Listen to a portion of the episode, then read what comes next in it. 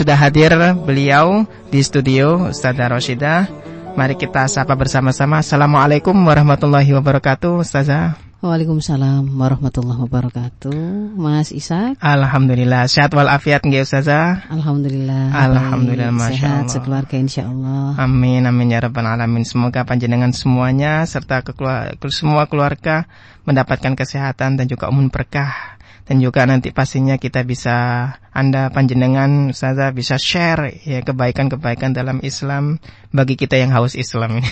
Insya Allah, Insya Allah, amin. amin. Semoga dulur El Victor sekalian yang sedang menyimak perbincangan kita pada pagi hari ini Hmm. dan semua kaum muslimin dalam keadaan sehat walafiat. Amin eh, amin ya rabbal alamin. Diberkahi semua urusan kita semua. Amin amin amin ya rabbal alamin. Insya Allah ini pertemuan pertama ya Mas Ishak ya, Eh, Mbak Iya, iya. Elvina. Heeh. yang biasanya bertugas bersama mendampingi kami sedang melahirkan ya. Ya, sedang posisi cuti ya. Iya, sedang cuti. Masya Baik.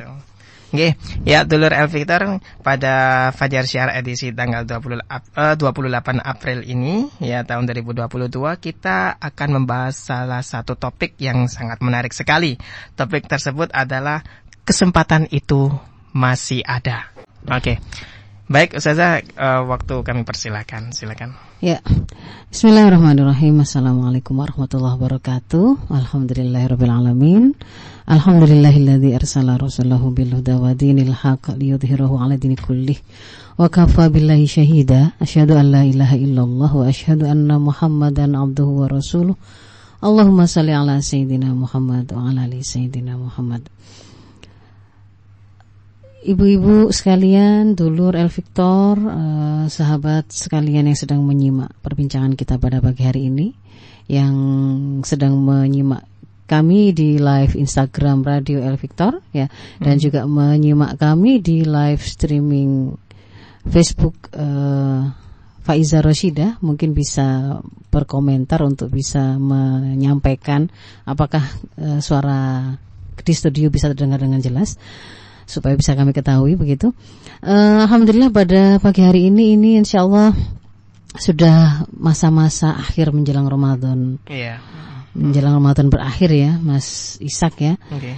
Ya satu sisi kita merasa sedih pasti karena tamu agung momentum istimewa yang hanya datang satu bulan dalam setiap tahunnya di mana di sini diobral pahala, keberkahan, ampunan dan segala kebaikan oleh Allah itu kemudian akan eh, menemui detik-detik menjelang kepergiannya kembali ya. Masya Allah. Hmm. Satu sisi memang ada ke kesedihan, tetapi kalau kemudian kita coba eh, lihat Hmm. hari ini di jalan-jalan di jalan-jalan terutama yang antar kota Mas Ishak ya, itu Iya. mulai rame. Masya Allah. Mulai rame orang-orang yang mulai mudik ya. Persiapan. Eh, eh, sudah bukan persiapan ya, memang sedang dalam perjalanan Sudah dalam ya. perjalanan. ya. Ada yang tertahan di tol, ada yang sedang ngantri di bandara, ada yang masih macet di jalan dan seterusnya. Semoga semua dulur, semua saudara El Victor yang eh, sedang dalam perjalanan menuju rumah atau kampung halaman masing-masing juga diberikan kelancaran, keselamatan dan kesehatan hingga sampai di tujuan. Eh, bahwa ketika kita melihat fenomena tersebut, Mas Ishak, Hmm. mereka pulang itu dengan sebuah antusiasme yang luar biasa dengan kegembiraan yang juga eh, di dalam hati ini apalagi ini setelah dua tahun lebih ya hampir Lama, tiga ya. tahun ya Hampir, mereka ya. tidak mudik, mungkin Mudik. tidak juga ketemu dengan orang-orang Iya. yang dicintai Benar, benar, benar. Hmm. ini menjadi Roma eh, menjadi lebaran yang akan dan mudik yang akan sangat membahagiakan terbayang bahwa akan bertemu dengan keluarga besar orang-orang yang dicintai ayah ibu yang sekian lama tidak bertemu dan seterusnya itu satu kegembiraan tersendiri hanya kemudian ternyata pada faktanya kita juga paham tidak semua tidak semua dari kita itu ternyata bisa berharap dengan harapan yang sama ya bertemu dengan keluarga besar kita bertemu dengan orang-orang yang kita cintai eh, bertemu dengan mereka-mereka yang lama tidak pernah kita temui gitu ya. Hmm. Sehingga di situ ada sebuah apa kesedihan ya, ada sebuah kesedihan yang berbalut kebahagiaan mem- mem- memandang orang lain bertemu itu tapi yang di antara kita yang tidak bisa merasakannya itu kemudian juga eh, serasa sesak begitu ya. Ada di antara kita yang mungkin selama pandemi kemarin, pandemi kemarin itu tidak kita nafikan ya, telah banyak meyatimkan banyak keluarga, banyak anak, banyak pasangan yang juga kehilangan pasangannya masing-masing ya. Hmm. Hmm. Banyak juga eh, anak-anak yang bahkan kehilangan hanya satu orang tua tapi keduanya bahkan kita di El Victor ini juga kehilangan Sosok so- yang eh, salah satu penyiar terbaik kita ya. Hmm. Jadi kalau eh, dengan Mbak Nikmah yang apa namanya menjadi penyiar di sini, saya bahkan sudah belasan tahun ya, belasan tahun, ya 15 tahunan gitu. Masya Allah. Jadi luar biasa ya.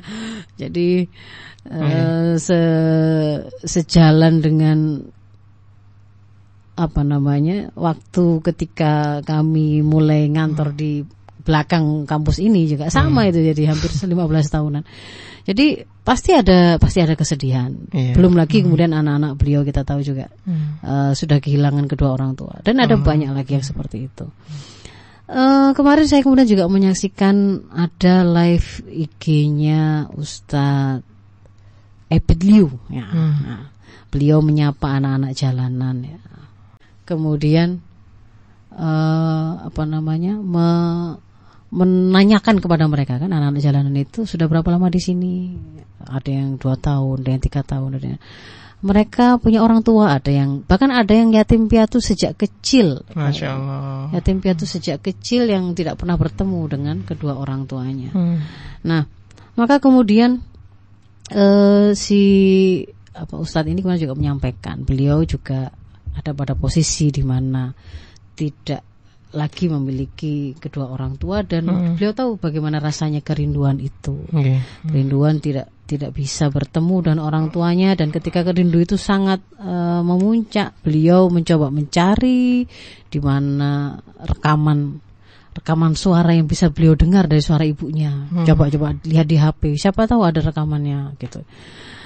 Tapi kemudian jarang ya kita merekam suara ibu kita ya. Suara anak-anak kita mungkin direkam gitu ya. Iya. Nah, itu kemudian eh, apa namanya? Ada yang ya di situ banyak yang kemudian menangis ya karena memang pasti rindu begitu. Jadi ada di antara kita yang tidak pernah bertemu dengan orang tuanya, ada yang memang mungkin sejak ya kecil sejak yatim piatu ya, tapi ada juga yang bahkan mungkin tidak tidak apa namanya tidak beruntungnya itu mungkin dia dibuang atau diberikan ke orang karena kondisi atau kondisi atau situasi yang macam-macam ya. Situasi yang macam-macam yang kita tidak tahu apa yang sebenarnya kemudian melatar belakanginya. Tetapi yang jelas ada banyak di antara kita yang ternyata tidak tidak mengenal orang tua itu bahkan sejak lahir. Allah. tidak pernah melihat rupanya, tidak pernah mendengar suaranya, tidak pernah kemudian eh, apa, merasakan kehangatan pelukannya, berbicara akrab dengan mereka itu rasanya sesuatu yang tidak bisa mereka bayangkan gitu. ya. Eh, bahkan kalau kemudian kita lihat saudara-saudara kita yang ada misalnya di Palestina itu ada beberapa gambar yang sangat membuat kita terenyuh gitu kan Hmm, hmm, hmm. anak kecil sampai menggambar di tanah gitu ya. Gambar so- sesosok perempuan ibu lalu dia bikin besar lalu kemudian dia tidur di tengah-tengah di bagian eh, apa dada dari ibu itu Di- Allah. seperti seolah-olah sedang dipeluk ibunya. Ya. ada banyak saudara-saudara kita juga yang mungkin mereka dalam keadaan sedih karena kehilangan ya karena peperangan karena wabah karena bencana dan seterusnya seterusnya sehingga kemudian ada sebuah tanya ya. Tanya yang itu merupakan harapan ya. Bagaimana cara kita bisa bertemu dengan mereka? Adakah peluang kita bisa bertemu dengan orang-orang yang kita cintai itu? Itu di seputar hal tersebutlah hari ini kita ingin eh, berbagi pelajaran yang sebenarnya juga bisa jadi akan menjadi kabar gembira begitu ya kabar gembira bagi kita kaum muslimin, orang-orang yang beriman bahwa ada kesempatan, masih ada kesempatan untuk bertemu dengan mereka, untuk uh, ada kesempatan untuk berkumpul lagi bersama mereka dalam suasana penuh kebahagiaan, penuh kehangatan, sukacita. Ada peluang itu. Hmm. Bagaimana? Bagaimanakah caranya? Begitu kan ya? Yeah. Hmm. Jadi Allah sendiri me memberikan sebuah kabar ya di dalam surat Ar-Ra'd ayat 23. Ketika Allah menggambarkan tentang surga Aden. Hmm Allah mengatakan a'udzubillahi minasyaitonirrajim jannatu adn yadkhulunaha wa man salaha min abaihim wa azwajihim wa dzurriyyatihim yang di situ kalau kemudian Allah mengatakan surga Aden itu nanti akan masuk ke dalamnya itu hmm. orang-orang solih orang-orang solih siapa orang-orang solih min abaihim dari kalangan bapak-bapaknya. Hmm, wa azwajihim dari istri-istrinya, pasangan-pasangannya. Wa dzurriyyatihim dari anak cucu keturunannya hmm. ke bawah begitu ya. Jadi di sini uh, Allah memberikan sebuah pengkabaran bahwa kita itu bisa berkumpul kembali dan masuk ke dalam surga itu sekeluarga bareng-bareng. Ya bapaknya, istrinya, anak cucunya, semuanya. Semuanya. Kakek neneknya ke atas, atau anak cucunya keturunannya ke bawah. Hmm. Imam Ibnu Katsir menjelaskan maksud ayat 23 pada hmm. surat Ar-Ra'd ini bahwa Allah itu akan mengumpulkan seseorang bersama keluarganya, orang tuanya, istrinya, anak dan cucunya di surga. Hmm. Ini adalah dalil bahwa sekeluarga itu bisa masuk surga bersama-sama. Bisa. Hmm. Bisa. Bisa masuk surga bersama. Iya. Allah akan mengumpulkan mereka hmm. dengan orang-orang yang mereka cintai dari kalangan orang-orang yang beriman ya. hmm. dan mereka uh, layak masuk surga. Jadi di sini ada ada syaratnya itu kan yang akan bisa memasukinya itu waman solaha ya. Hmm. Barang siapa yang dia itu soleh, ya. solih, solih hmm. itu melekat pada identitas uh, seorang mukmin enggak. Kalau kita tidak mengenal kesolihan itu pada kekufuran begitu ya. Hmm. Orang beriman dulu baru dia bisa menjadi solih. Nah, bahkan mungkin ada yang bertanya, gimana kalau misalkan ya kita tidak tahu orang tua kita itu kan sudah meninggal hmm, misalkan. Hmm. Bahkan saya tidak tahu dia posisinya di mana gitu. Mungkin hmm. ada begitu ya.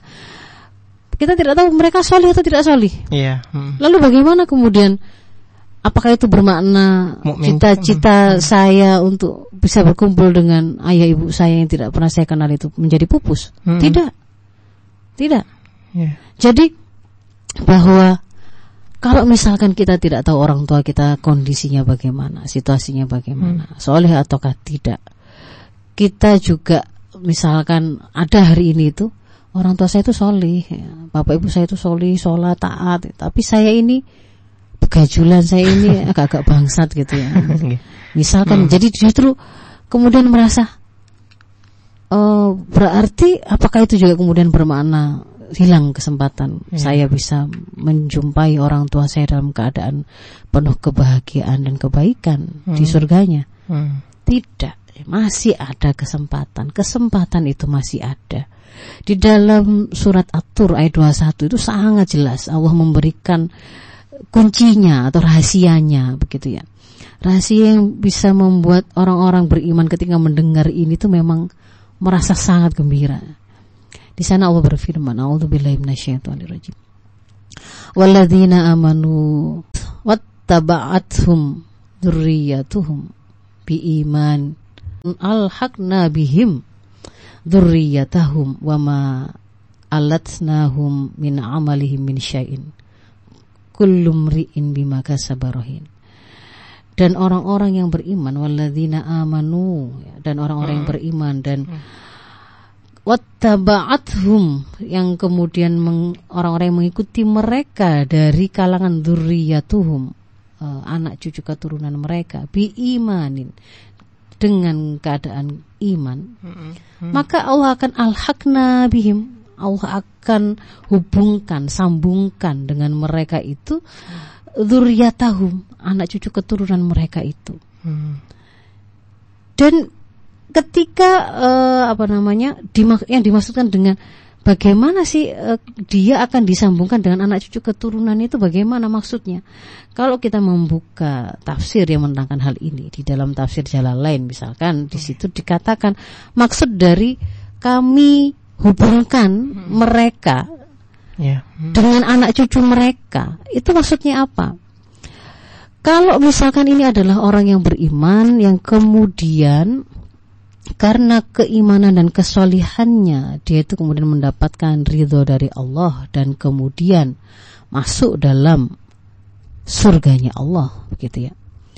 Yang kemudian dia mendapatkan kenikmatan-kenikmatan dan ridho dari Allah maka kita akan uh, mendapatkan karena saking inginnya Allah itu me, membahagiakan hambanya yang sudah diridhoinya tadi di surga yeah. supaya kemudian pandangannya itu menjadi pandangan yang menyenangkan hmm. dia tidak merasa khawatir dengan anak cucu keturunannya pasangannya keluarganya begitu orang tuanya maka Allah angkat derajat anak cucu keturunannya dan keluarga besarnya itu mengikuti posisi oh, hamba yang sudah dimasukkan oleh Allah tadi di surganya yang sudah mendapatkan ridhonya tadi. Jadi dan itu tanpa mengurangi pahala dari hamba yang bersangkutan tadi. Jadi kalau misalkan ini kayak ibaratnya kayak susul menyusul gitu. Mm -hmm. Kalau misalkan yang soleh itu ayah ibunya yeah. dan sampai mengantarkan ayah ibu ini pada keadaan bisa mendapatkan uh, keridhaan Allah dan surganya Allah, maka anak cucu keturunannya yang agak-agak amalnya itu enggak nggak terlalu sebagus bapak ibunya tadi dia bisa diangkat. Diangkat langsung diangkat. Karena kerahiman Allah Masya karena Allah. keinginan Allah hmm. untuk me membahagiakan hamba yang sudah diridhoin tadi itu diangkat. Bukan dikurangi si si hamba yang sudah dimasukkan surga itu tidak dikurangi hmm. uh, pahala dari amalnya tidak. Tetapi yang kurang hambanya yang kurang itu karena keinginan untuk membahagiakan. Ini tadi itu diangkat dijanjikan Allah seperti itu. Kalau orang tuanya soli anaknya kurang soli anaknya akan diangkat. Demikian pula sebaliknya. Kalau anaknya yang yang solih. Masya nah, tapi orang tuanya gitu, anak apa uh, nenek kakek neneknya mungkin karena waktu itu belum paham dan seterusnya bisa masih masih ya nggak terlalu soleh hmm. begitu.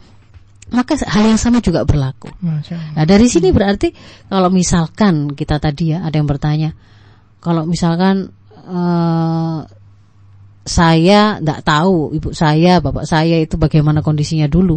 Yang penting fokus kita adalah kita jadi hamba yang soleh, jadi anak yang soleh. Iman, soleh, soleh itu kan e, bertakwa kepada hmm, Allah itu ya, hmm. yang menerapkan semua perintah dan hmm. larangan Allah eh, dan meninggalkan larangan Allah ya.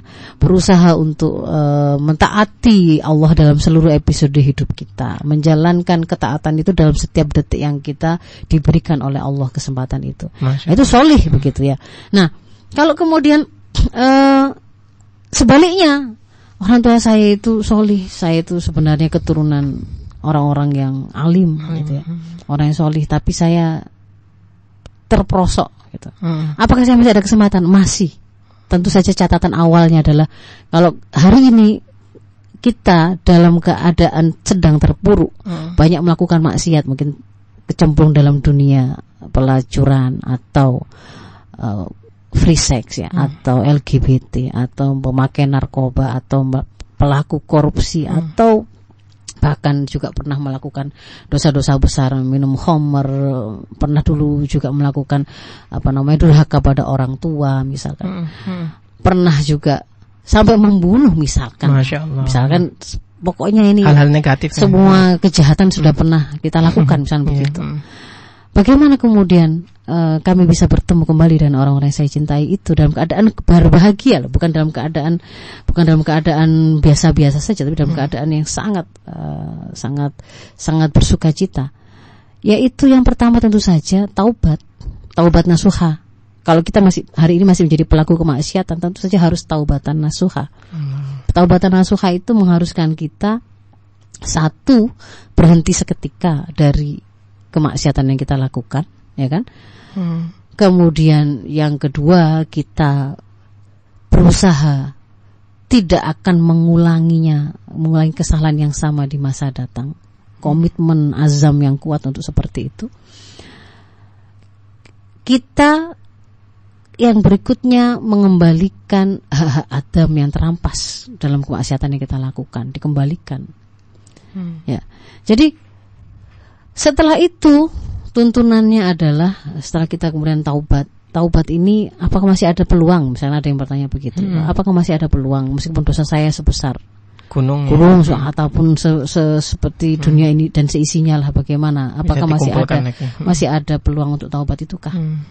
jangan bayangkan Allah itu seperti hambanya yang penuh kelemahan ini ya. hmm. Allah itu afuun ghafur ya kan maha pemberi maaf dan maha pengampun hmm. makanya kita di akhir-akhir Ramadan ini kan diminta untuk memperbanyak itu. Innaka afun tuhibbul afwa fa'fu anna. Hmm. Sesungguhnya Engkau ya Allah Maha pemberi maaf. Hmm. Suka kepada orang-orang yang kemudian uh, meminta maafmu, mohon ampunan, maka maafkanlah aku kan begitu. Maafkanlah kami, ampunilah kami. Itu diulang-ulang. Dan Allah itu Beda dengan kita yang ketika misalkan ada pasangan atau orang tua kita itu sudah sekian lama melakukan kebaikan, begitu satu kali melakukan kesalahan yang menurut hmm. kita fatal, seolah-olah kita itu tidak akan pernah memaafkannya lagi. Allah. Kan gitu ya manusia ya. Allah itu yeah. mm. kalau kita solih Allah itu sayang, mm. kalau kita itu nggak solih pun Allah tetap sayang. Masya Allah. Jadi tidak ngaruh gitu. Kesayangan rasa sayang Allah kepada kita itu bukan karena kita itu solih atau tidak solih, tetap kita itu disayang oleh Allah. Rahim, Rahman dan Rahimnya Allah itu luar biasa. Meskipun penjahat itu kan nafasnya itu siapa yang ngasih? Yeah. Ya oksigen siapa yang nyediakan?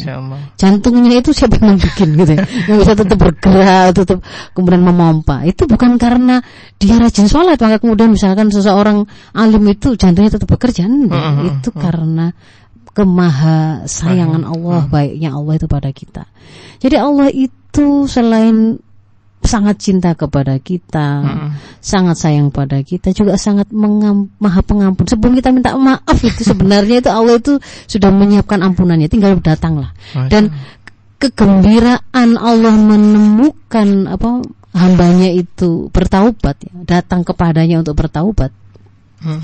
Itu melebihi e, kalau di dalam sebuah hadis kudsi itu kan digambarkan apa namanya narasinya itu ya oh, ada seseorang mm -hmm. yang sedang dalam satu perjalanan, mm. kemudian dia uh, saking lelahnya gitu ya, saking lelahnya kemudian dia istirahat di satu tempat di hutan. Mm. Ketika dia tertidur, ketika dia bangun ternyata kendaraannya, ontakah atau kudakah, sak seluruh perba, apa, perbekalan yang dia punya, yang dia butuhkan untuk dia bisa meneruskan perjalanan itu hilang. Dia kan sangat sedih kan? Iya. Nah, sangat sedih. Mm. Ternyata kemudian dia sudah nyari ke sana sih sudah merasa sangat putus asa. Ternyata kemudian onta itu tadi atau uh, kuda tadi hmm. itu kembali ke, ke dirinya dalam keadaan tetap utuh sebagaimana sebelumnya. Maka di situ kan hamba kan sangat gembira kan? Hmm. Uh, orang tersebut akan sangat gembira kan? Kegembiraan Allah menyambut hambanya yang bertaubat itu lebih dari kegembiraan orang itu. Masya Allah. Gitu. Jadi itu apa namanya sebuah pengkabaran kepada kita bahwa ada kesempatan itu selalu terbuka. Kalau kita hari ini masih berkubang dalam maksiat, hmm. momentum Ramadan itu adalah selain uh, Ramadan ini syahrul Quran. Ramadan ini syahrul ta'ah gitu ya. Ramadan ini juga syahrul taubah ini bulan untuk taubat, momentum tepat untuk kita itu memulai kebaikan apa pun itu, menghentikan satu keburukan atau kesalahan apa pun itu. Hmm. Nah, jadi begitu. Uh, apalagi kemudian apa namanya kalau kalau misalkan kita hari ini dalam keadaan masih masih ada, misalkan anak kita masih ada, orang tua kita masih ada, hmm. tapi e, situasinya itu tidak bisa bertemu dalam keadaan baik itu karena mungkin anaknya tadi itu ya anaknya itu sedang diuji dia uh, hidup dalam kemaksiatan Allah. Hmm. kemudian orang tuanya sebaliknya begitu sehingga kemudian mereka tidak bisa bertemu. Bagaimana kemudian uh, harap kita menumbuhkan harapan agar kemudian mereka bisa bertemu kembali dalam kebaikan hmm. dan supaya anak ini tadi yang sedang sedang diuji dalam keburukan tadi itu segera kembali ke jalan Allah.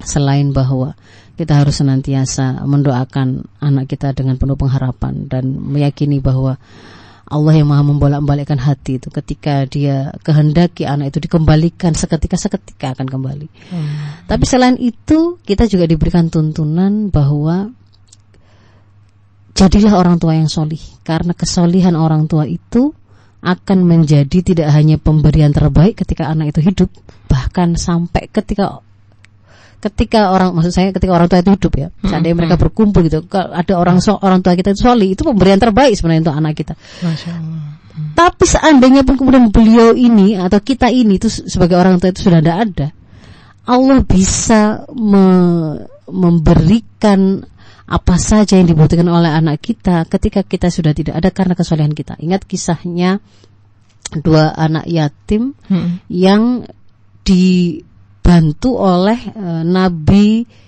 uh, Musa dan Nabi Khidir ya. Hmm. Hmm.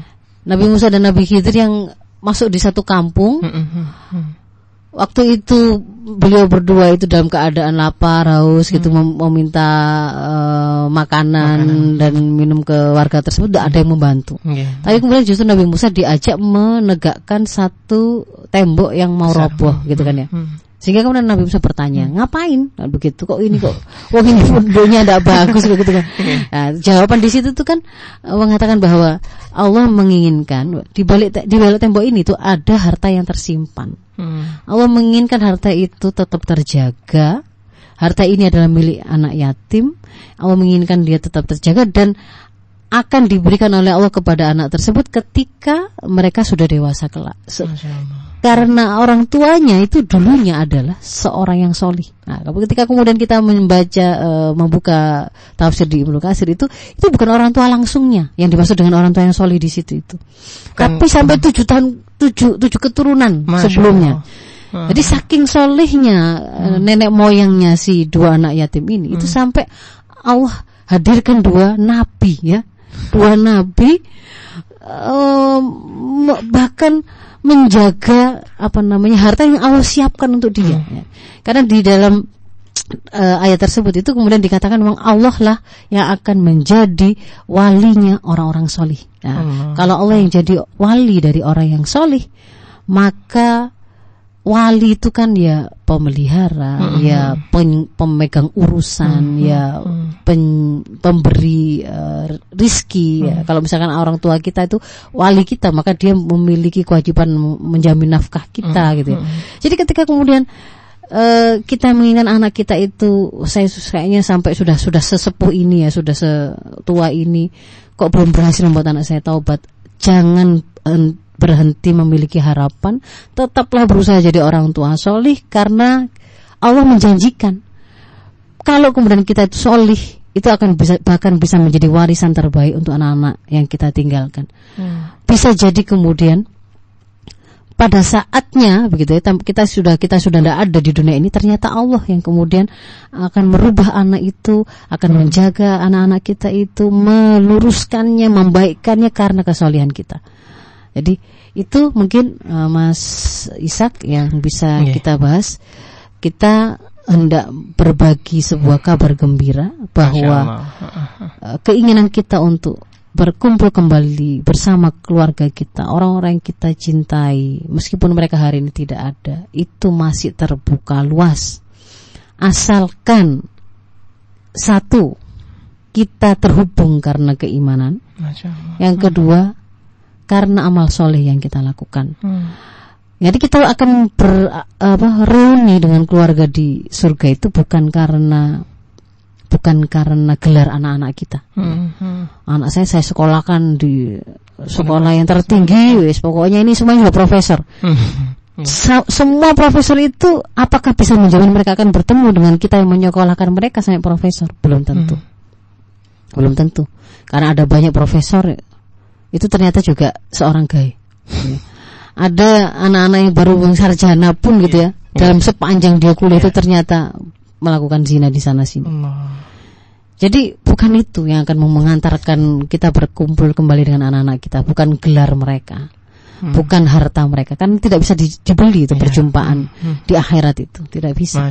Tetapi Allah sudah memberikan kabar di situ Asalkan kita itu sama-sama beriman, Hmm. kita solih, anak kita solih, kita akan susul menyusul mana yang kebaikannya itu lebih, maka itu yang akan menarik anggota keluarganya yang lain. Allah. Kalau kita lebih baik, lebih solih, lebih dekat kepada Allah, lebih dimuliakan oleh Allah, maka karena keridhaan Allah kepada kita, Allah akan angkat anak, cucu, keturunan, pasangan dan ayah ibu kita mengikuti posisi kita tanpa mengurangi sedikit pahala kita.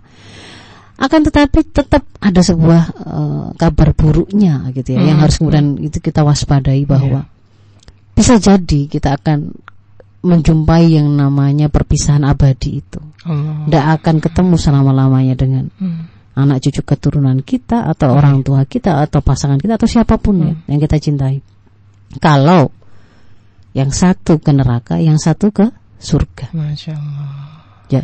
Jadi selama selama masih ada iman gitu ya, masih ada peluang kita bisa bertemu kembali. kembali. Begitu. Hmm, Masya Allah. Artinya untuk syarat mutlaknya ini memang harus orang yang beriman, Mm-mm. mukmin dan Mm-mm. juga dia itu harus melakukan sesuatu amal yang soleh, gitu ya. Iya. Ustazah. Masya Ah, ah. Allah. Begitu. Baru nanti bisa dikumpulkan kembali Ah, dengan bisa reunian. keluarga. Bisa reunian, Reunian kembali, ya. begitu. Makan bersama nih, Ah, masya Allah. ah. Ya, dulur, eh, kit- Anda juga bisa bergabung dengan kami di 081234939390.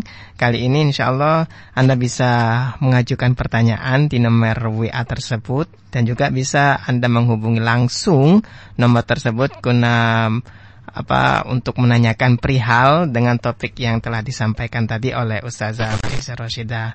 Eh, Tapi sebelum itu kita lanjutkan Ustazah kita break terlebih dahulu Ustazah nggih. Ya, silakan. Yang selalu bikin cinta hanyalah satu Yang selalu bikin Baik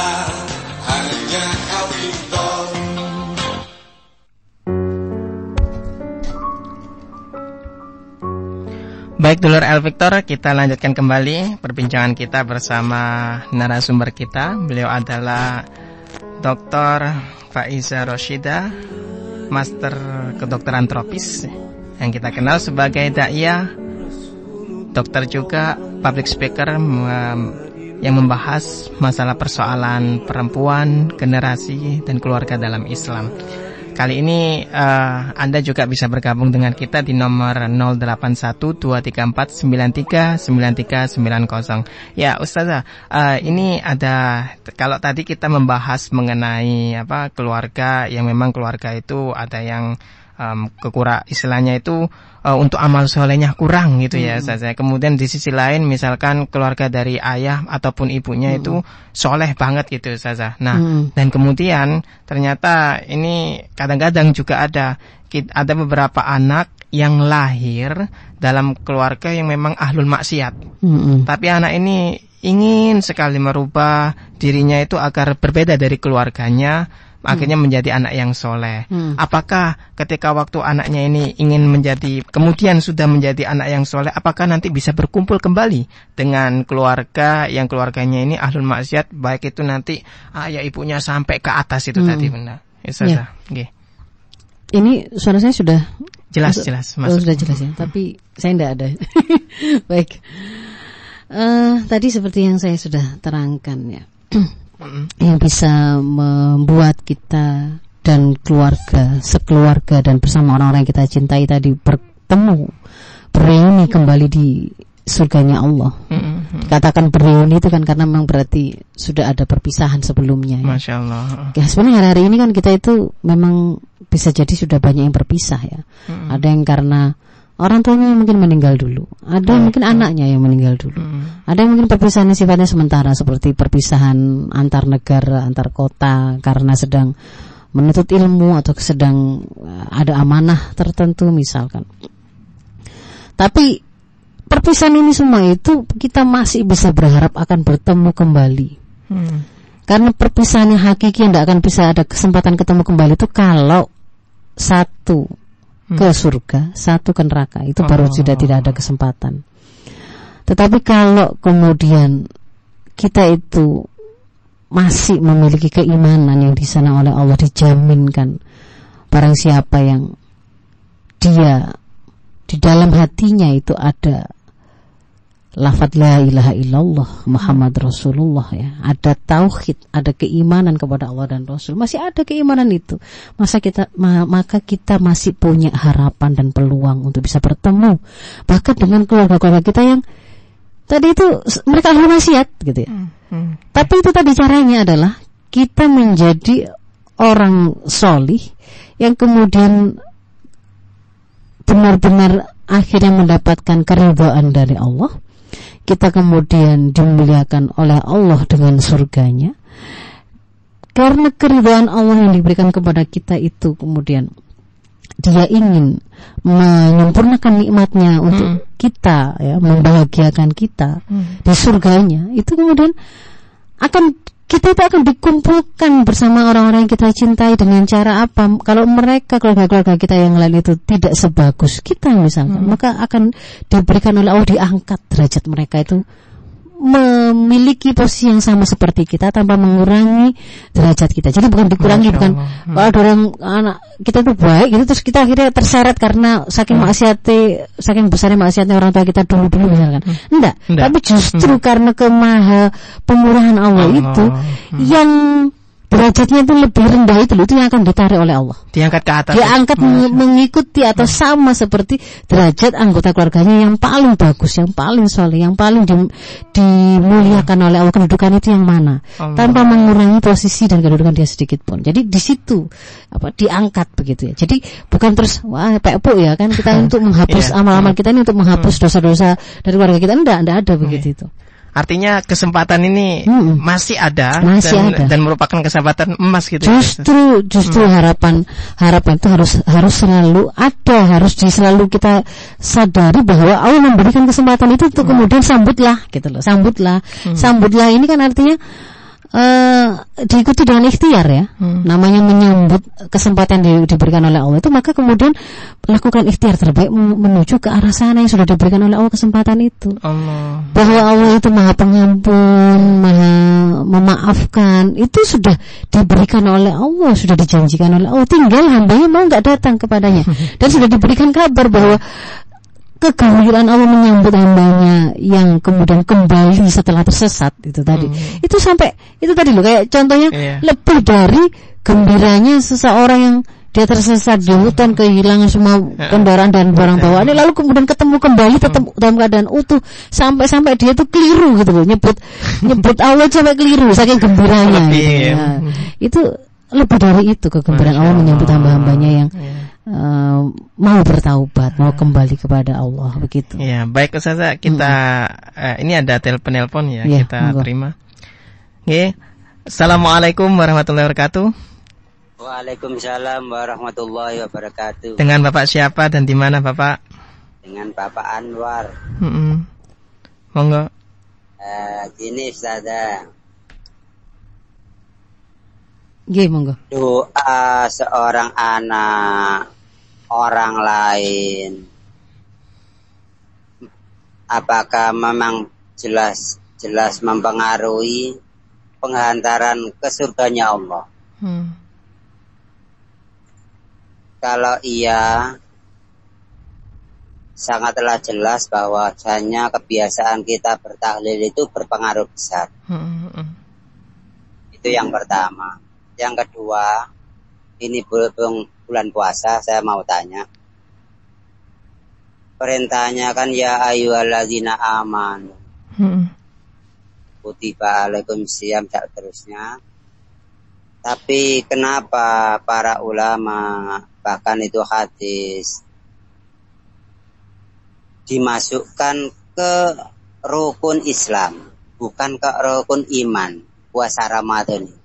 Hmm. Perintahnya ya ayyuhalladzina amanu kutiba Iya. Tapi- Hmm, hmm. dimasukkan Iya. kok rukun Islam, bukan kok rukun iman. Iya. Hmm. Gitu, Ustaz. Nggih Waalaikumsalam. Ya. Bapak.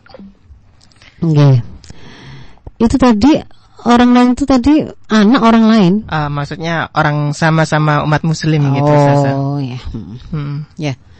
Jadi satu kalau kemudian apa namanya anak-anak kita itu jelas ya anak-anak yang Pasti ya. solih itu anak-anak yang solih itu adalah di antara eh, sumber dari amal yang tidak terputus setelah kematian kita. Jadi memang makanya me- mewaris meninggalkan anak-anak yang solih itu bisa menjadi investasi tanpa batas. Subhanallah. Jadi kita sudah mungkin terkubur berapa ribuan tahun bahkan kalau Iya. kuburan kita itu meninggalkan uh, dzurriyyah yang solih, solihah, anak cucu keturunan yang soleh solihah, maka itu akan akan bisa menjadi uh, harta atau se- semacam investasi yang akan terus menerus me- mengirimkan kebaikan yang dia lakukan, doa-doa yang dia sampaikan itu kepada kita.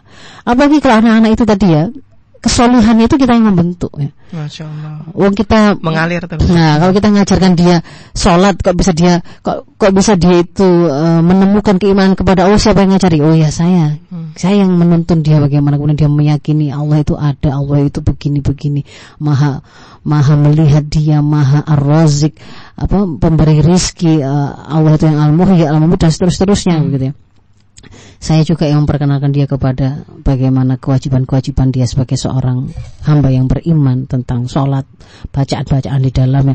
Maka setiap kali dia melakukan itu, ya, dia membaca al-fatihahnya, dia membaca suratnya, maka itu juga akan mengalir kepada kita pahala yang sama tanpa mengurangi sedikit pun pahala dari sang pelakunya. Hmm. Ini kan sunnah hasanah itu kan seperti itu.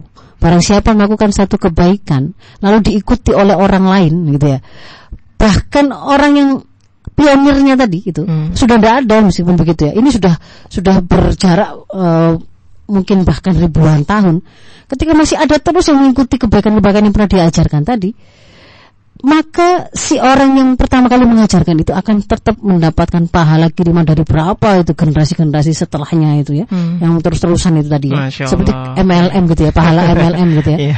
multi level multi Marketing. level pahala ya. Oh, multi- pahala yang multi level gitu ya MLP. itu akan sampai ke tetap kepada yang bersangkutan yang Hmm. mengajarkan pertama kali tanpa mengurangi sedikit pun pahala dari orang-orang yang melakukannya yang mengikuti tadi. Demikian pula ketika ada sunnah sayyi'ah ya, ada orang yang melakukan satu keburukan, menginspirasi eh, pembunuhan misalkan. Nah, ini contohnya Kobil itu ya. Iya.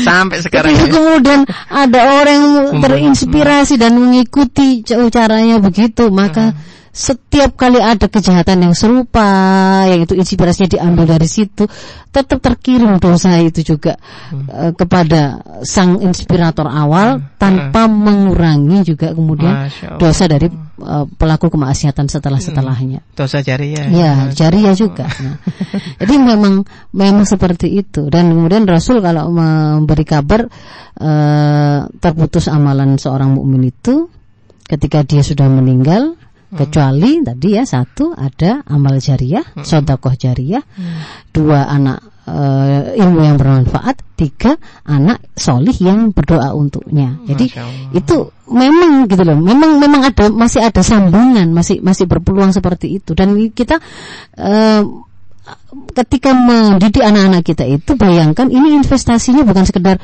nanti kalau tua biar saya ada yang jaga gitu ya. Ah. biar nanti ada yang rambut enggak. Kita bicara itu investasi tanpa batas gitu.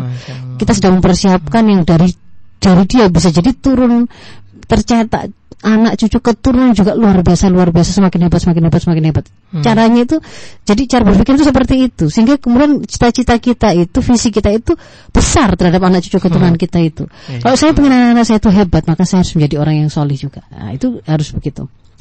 Demikian juga dengan uh, mendoakan kaum mukminin yang lain gitu ya. Ketika kemudian kita tersambung atau terhubung dengan keimanan, maka di situ ada peluang doa kita uh, kita apa namanya?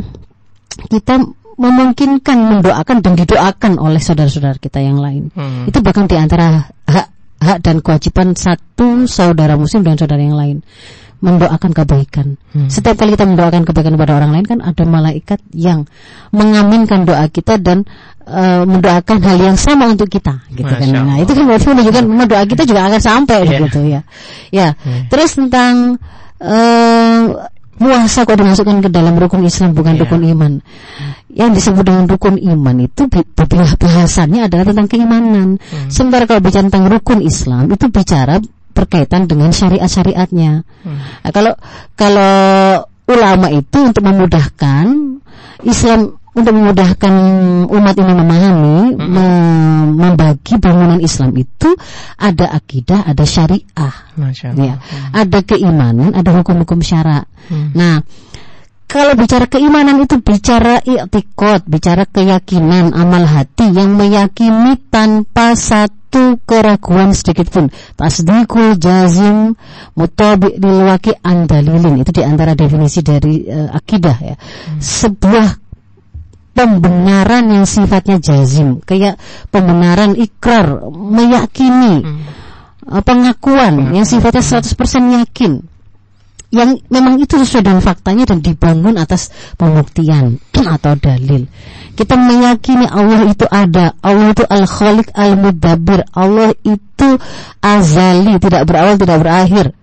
Allah itu yang kemudian eh, menurunkan aturannya dalam bentuk Al-Qur'an. Al-Qur'an itu yang kemudian dibawa oleh seseorang yang berarti dia adalah utusannya Rasul Allah. Di dalam Al-Quran itu kemudian dikabarkan ada hari kiamat ada hari akhir ada nabi-nabi sebelumnya ada malaikat-malaikat kan begitu kan ya nah jadi semua yang berbicara tentang tuntutan untuk kita imani iman pada Allah Yakin. Muhammad atau dan Rasul sebelumnya Al-Quran dan seluruh pengkabaran yang ada di dalamnya tentang hari kiamat tentang malaikat tentang eh, kodok dan kodarnya Allah maka itu adalah rukun iman. Karena bicara tentang iktikad tuntutan untuk diimani. Sementara kalau kemudian rukun Islam itu berbicara tentang syariah begitu loh. Jadi pilarnya pilarnya Islam itu berawal dari seseorang itu bersyahadat, lafadznya adalah asyhadu alla ilaha illallah wa asyhadu anna muhammadar rasulullah. Itu adalah sebenarnya awal dari keimanan seseorang. Kalau dia itu memang mengimani pada Allah, konsekuensi keimanannya, keimanannya kepada Allah itu adalah dia kemudian mengambil seluruh syariat yang diberikan oleh Allah. Di antara yang paling pokok itu adalah kemudian dikatakan sholat. Karena sholat itu adalah eh, yang membedakan seorang kafir dengan orang mukmin. Dan dia yang akan dihisap pertama kali kan begitu kan dia. Sholat, habis itu apalagi Puasa. yang diperintahkan untuk dilakukan ya bicara amal Iya. begitu nah ada puasa. Puasa apa yang wajib? Yang hukumnya wajib Ramadan.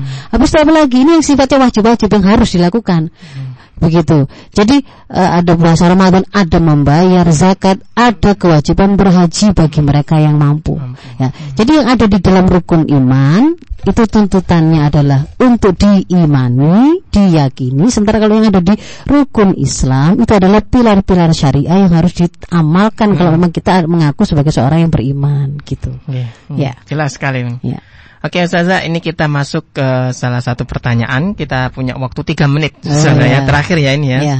Uh, Assalamualaikum warahmatullahi wabarakatuh Ustazah 10 akhir Ramadan ini harusnya menjadi momentum untuk memaksimalkan amalan Bagaimana dengan perempuan yang saat ini sedang menemui halangan Ustazah dalam kondisi head ya Hmm. Bagaimana kiat mak- memaksimalkan akhir Ramadan yang tinggal beberapa hari saja Apakah tetap diperbolehkan membaca Al-Quran saat kondisi berhalangan Mohon pencerahannya Ustazah Jazakillahu khair Ya.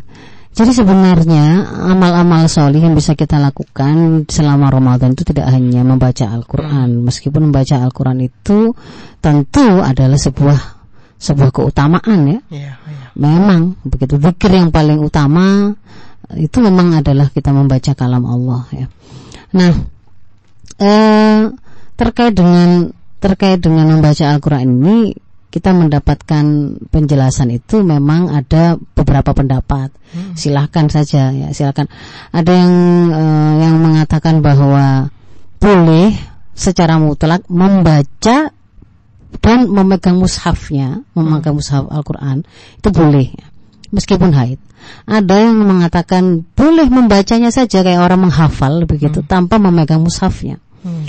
Ada yang kemudian untuk kehati-hatian mushafnya itu kalau mau mau mau apa namanya mau menggantikan memegang mushafnya itu bisa digantikan dengan ada Al-Quran digital, ada uh, yang dari handphone gitu. Ah, dari handphone begitu ya. Yang yang itu ada yang mengkategorikan ini bukan termasuk ke dalam mushaf. Hmm. Jadi uh, satu yang ingin saya sampaikan seandainya pun ibu memilih untuk uh, tidak mengam, untuk mengambil pendapat yang tidak memperbolehkan membaca Al-Qur'an dan memegang mushafnya, masih ada peluang untuk menyimak bacaan Al-Quran itu dengan memasang murotal, uh -uh. begitu kan ya? Uh. Atau kemudian hari ini kita me, me, bahkan bisa sampai menyimak tulisannya sa, sa, sa bacaannya itu dengan apakah itu memutar ini ya memutar Quran digital ataukah misalnya di YouTube itu misalkan ya, banyak, ya, ya. banyak itu kan per per ayat keluar. Jadi kita membaca hmm. tanpa tanpa melisankan gitu ya menyimak itu. Uh, menyimak hmm. tapi saya juga menyimak menyimak tulisannya dan juga uh, mengikutinya begitu ya dalam hati hmm. itu kalau misalnya mau mau memilih yang tidak membacanya dan tidak memegang mushafnya tapi selain kemudian melakukan itu sebenarnya kan ada masih ada banyak yang lain tuh amal-amal soleh yang lain yeah. begitu kan ya. Hmm. Kita tidak puasa tapi kita tetap yeah. masih bisa punya kesempatan mendapatkan pahala seperti orang yang berpuasa ketika kita menyediakan berbuka Masya untuk orang yang berpuasa kan gitu kan ya. Yeah. Yeah. Kita menyimak bacaan orang yang baca Al-Qur'an sama pahalanya dengan orang yang membaca Al-Qur'an. Oh. Kemudian kita masih bisa melakukan zikir-zikir apa pun yang lain, apakah itu tahlil, apakah itu tahmid, apakah itu istighfar dan seterusnya seterusnya masih tetap bisa dilakukan. Hmm. Sodako juga hmm. bisa dilakukan, kan ya. Kita membersamai uh, apa suami kita, anak-anak kita agar mereka kemudian lebih kuat lagi melakukan itikafnya, hmm. menyiapkan kebutuhan itu, kita akan kecipratan pahala juga Sama dari situ, begitu. Jadi, hmm. jadi jangan khawatir. Itu sebenarnya sangat tidak apa nggak nggak berpengaruh kok itu. Tetap kita bisa meraih ke apa namanya kemuliaan dari Lailatul Qadar meskipun kita dalam keadaan haid. Tetap lakukan amal-amal solih seperti tadi. Apalagi kemudian jika kita mengetahui dan menyadari bahwa hal itu kan mengkoda Allah begitu. Sehingga hmm. kemudian ya kita harus me, me, menerimanya begitu dengan sebuah dan sebuah apa kesyukuran. Khusnudzon bahwa itu adalah kodoknya yang terbaik. Jadi nggak nggak kemudian malah menganggapnya sebagai wah aib, ini ya, aib atau ini sesuatu yang merugikan. nggak enak jadi perempuan. Wah itu justru justru malah malah melakukan kemaksiatan atau yeah. keharaman begitu. Masya saya kira itu. Okay. baik Ustazah. Sudah mungkin kita bisa tutup dengan doa kali ini Ustazah. Uh, uh. jadi uh, dulu Victor sekalian masih ada beberapa hari lagi hmm sebelum Ramadan ini benar-benar meninggalkan kita dan kita tidak tahu apakah tahun depan kita masih bisa dan diberi kesempatan oleh Allah bertemu kembali. Maka memang selayaknya kita berlaku seperti seolah-olah ini Ramadan terakhir kita. Kita hmm. tidak pernah tahu, ya, tidak pernah tahu apa yang akan terjadi di masa-masa yang akan datang. Maka seruannya baik untuk diri sendiri maupun kepada semua dulur Victor, mari manfaatkan sebaik mungkin baik siang hmm. maupun malamnya Ramadan ini dengan sebaik-baik mungkin melakukan amal solih seoptimal mungkin yang bisa kita lakukan. Gak perlu pakai berhitung-hitung ini ganjil ataukah genap ini hmm. kayaknya tanda-tanda Lailatul Qadar ataukah tidak lakukan saja hmm. semua amal soleh itu dengan seoptimal mungkin di, di seluruh hari-harinya semoga Allah mudahkan mampukan Amin. Amin. kuatkan kita Amin. untuk uh, berhasil menghidupkan hari-hari Ramadan ini dengan amal soleh terbaik kita dan Allah beri kesempatan kita keluar dari Ramadan ini dalam keadaan Amin. menjadi hambanya yang bertakwa sebagaimana Amin. tujuan disyariatkannya puasa. Amin. Ya Semoga kita dipertemukan oleh Allah kembali dengan Ramadan tahun depan. Amin. Amin ya rabbal alamin. Afu minkum ihdinas siratal mustaqim. Assalamualaikum warahmatullahi wabarakatuh. Waalaikumsalam warahmatullahi wabarakatuh. Terima kasih Zaza atas kajian atas kajiannya pada pagi hari ini. Dulur El Victor, itulah perbincangan kita, kajian kita bersama beliau yang insya Allah semoga kita mendapatkan berkah dan juga mendapatkan rahmat dari apa yang telah disampaikan. Saya Ishak, saya harus pamit. Mohon maaf dan terima kasih. Wabillahi taufiq wal hidayah. Assalamualaikum warahmatullahi wabarakatuh.